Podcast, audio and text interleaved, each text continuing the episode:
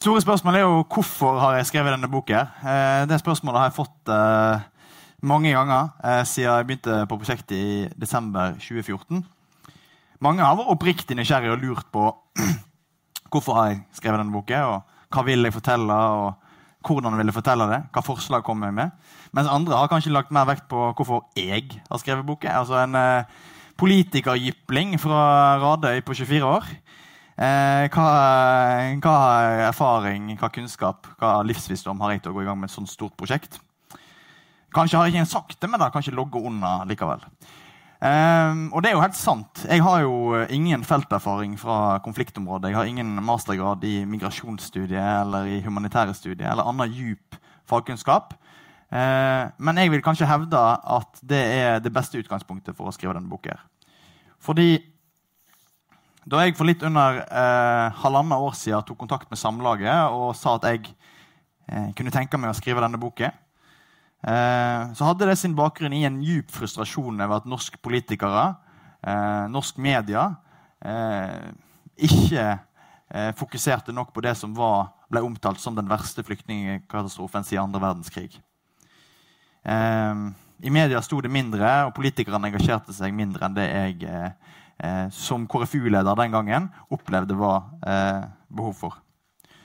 Sjøl våkna jeg etter å ha hørt på Jan eh, flere ganger, Jan Egeland eh, snakke. Og Pål Nesse i Flyktninghjelpen han eh, dirra inn alvoret i oss ungdomspolitikere. Sånn at vi forsto dimensjonene, tror jeg. Og at dette bare kom til å bli verre. Og at noen måtte eh, engasjere seg for at folk skulle forstå lidelsene, eh, tap av menneskeliv og den grusomme situasjonen flyktningene lever under mange plasser. Derfor vil jeg si at det jeg gikk i gang med i 2014, det var et eh, folkeopplysningsprosjekt mer enn det var et politisk prosjekt. Og sjøl satt jeg med mange av de spørsmålene som mange andre gjør. Eh, hvem bør vi hjelpe? Hvordan bør vi hjelpe dem? Hva har flyktningene i bagasjen sin? Hvordan er egentlig situasjonen i nærområdene til Syria? Hva tenker du på når du tar med deg barna dine i en båt over Middelhavet? Hvordan er det å leve, overleve tortur i et syrisk fengsel, for deretter å måtte flykte til nabolandet og bli strippa for alle menneskerettigheter? Eh, det at jeg sjøl satt med disse spørsmålene, her, det har nok gjort boka, at boka er lett å lese for uh, vanlige folk. Uh, det her er en bok for mannen og dama i gata. Uh, like mye som det er bok for politikere som ønsker å forandre norsk flyktningpolitikk. Eh, målet er at flest mulig av oss skal bli opplyst, eh, bli engasjert og la oss gripe. Ikke av følelser og føleri, men av virkeligheten. Den er sterk nok. Eh, mest tid har jeg brukt på å lete fram flyktninger å snakke med.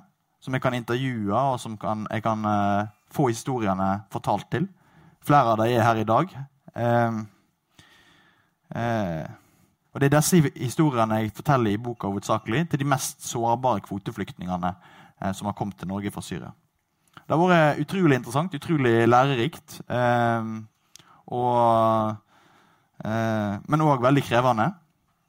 Eh, det har vært mange sterke møter med eh, mye eh, tårer og mange vonde historier. Men jeg har òg fått lov å sitte sammen med flyktninger og le og mimre over et tilbake på et Syria som ikke lenger fins. Eh, da jeg i november fikk lov å reise til Libanon og Jordan eh, og, eh, og snakka med flyktninger og folk på bakken der, så utvida det min horisont eh, enda mer. Mest av alt så satt jeg igjen med en sånn dobbelthet i møte med disse nærområdene. For mens styresmaktene i f.eks. Jordan sørget for at eh, jordanske lærere jobber doble skift for å gi syriske flyktningbarn eh, skolegang, så opplever de samme flyktningene hver dag at deres menneskerettigheter blir brutt helt grunnleggende eh, på, på, område etter område i de samme landene. Og Hvordan kan vi som bor her oppe i Norge, eh, kritisere f.eks. Jordan, eller Libanon eller Tyrkia for menneskerettighetsbrudd når disse landene her har tatt imot så mange flyktninger, millioner av flyktninger som de gir omsorg eh, og eh, rom til. Jeg har kommet frem til at jeg tror vi må det likevel. Situasjonen mange av flyktningene lever under i nærområdene, er helt eh, uholdbar. Uh, I Tyrkia så står en halv million syriske flyktningbarn uten skolegang. I Libanon så får ikke flyktningene arbeidstillatelse. Mange de får ikke oppholdstillatelse. Uh, I Jordan så blir tusenvis av syrere holdt i et ingenmannsland ute i ørkenen på grensa til Jordan, mellom Syria og Jordan, i et forsøk på å hindre at flyktningene kommer inn i Jordan. Og Selv om syrerne har flykta fra et inferno i, inne i Syria, eh, som er mange ganger verre, så er det ingen grunn eh, i seg sjøl til at nabolandene kan eh, holde på på den måten. I det store og det hele så handler boken min om å ta farvel med eh, et heimland som de aller fleste syrere er veldig glad i. Eh, alle jeg har snakket med, har snakket varmt og Eh, og, og, fint om Syria, som de vokste opp i. og som de, eh, det, er, det, er, en veldig sterk kjærlighet til heimlandet sitt. Så jeg vil avslutte med å lese noen eh, avsnitt fra et kapittel i boken som illustrerer dette. her, Fra historien om Mohammed Suleiman, som eh, var med i opptøyene etter den arabiske våren. Gikk i demonstrasjonstog, eh, ble skutt på. Eh, havna i et syrisk fengsel, ble torturert. Eh, og til slutt valgte å forlate Syria sammen med familien sin. Eh, jeg skal lese fra det eh, kapittelet.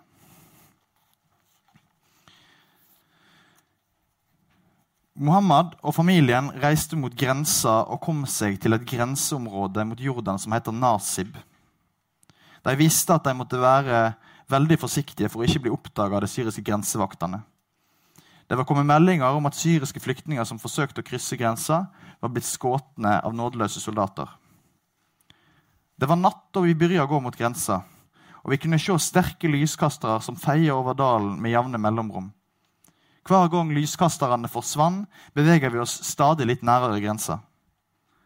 Medan familien satt og venta sammen med, med andre flyktninger, sang sønnen til Mohammed en sang som flere av flyktningene ifølge hørte.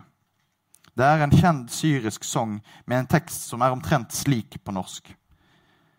Landet er et paradis. Mitt kjære land, mitt kjære land, du er et paradisland. Sjøl om det er et helvete, så er landet mitt et paradis. Da kom en av de mannlige flyktningene bort til Mohammed og sønnen hans. Han gret medan han sa at han ikke lenger følte at han hadde noe land. Da han sa det, gikk det opp for meg at vi aldri ville komme tilbake til Syria, sier Mohammed. Takk. Får du sette deg ytterst her.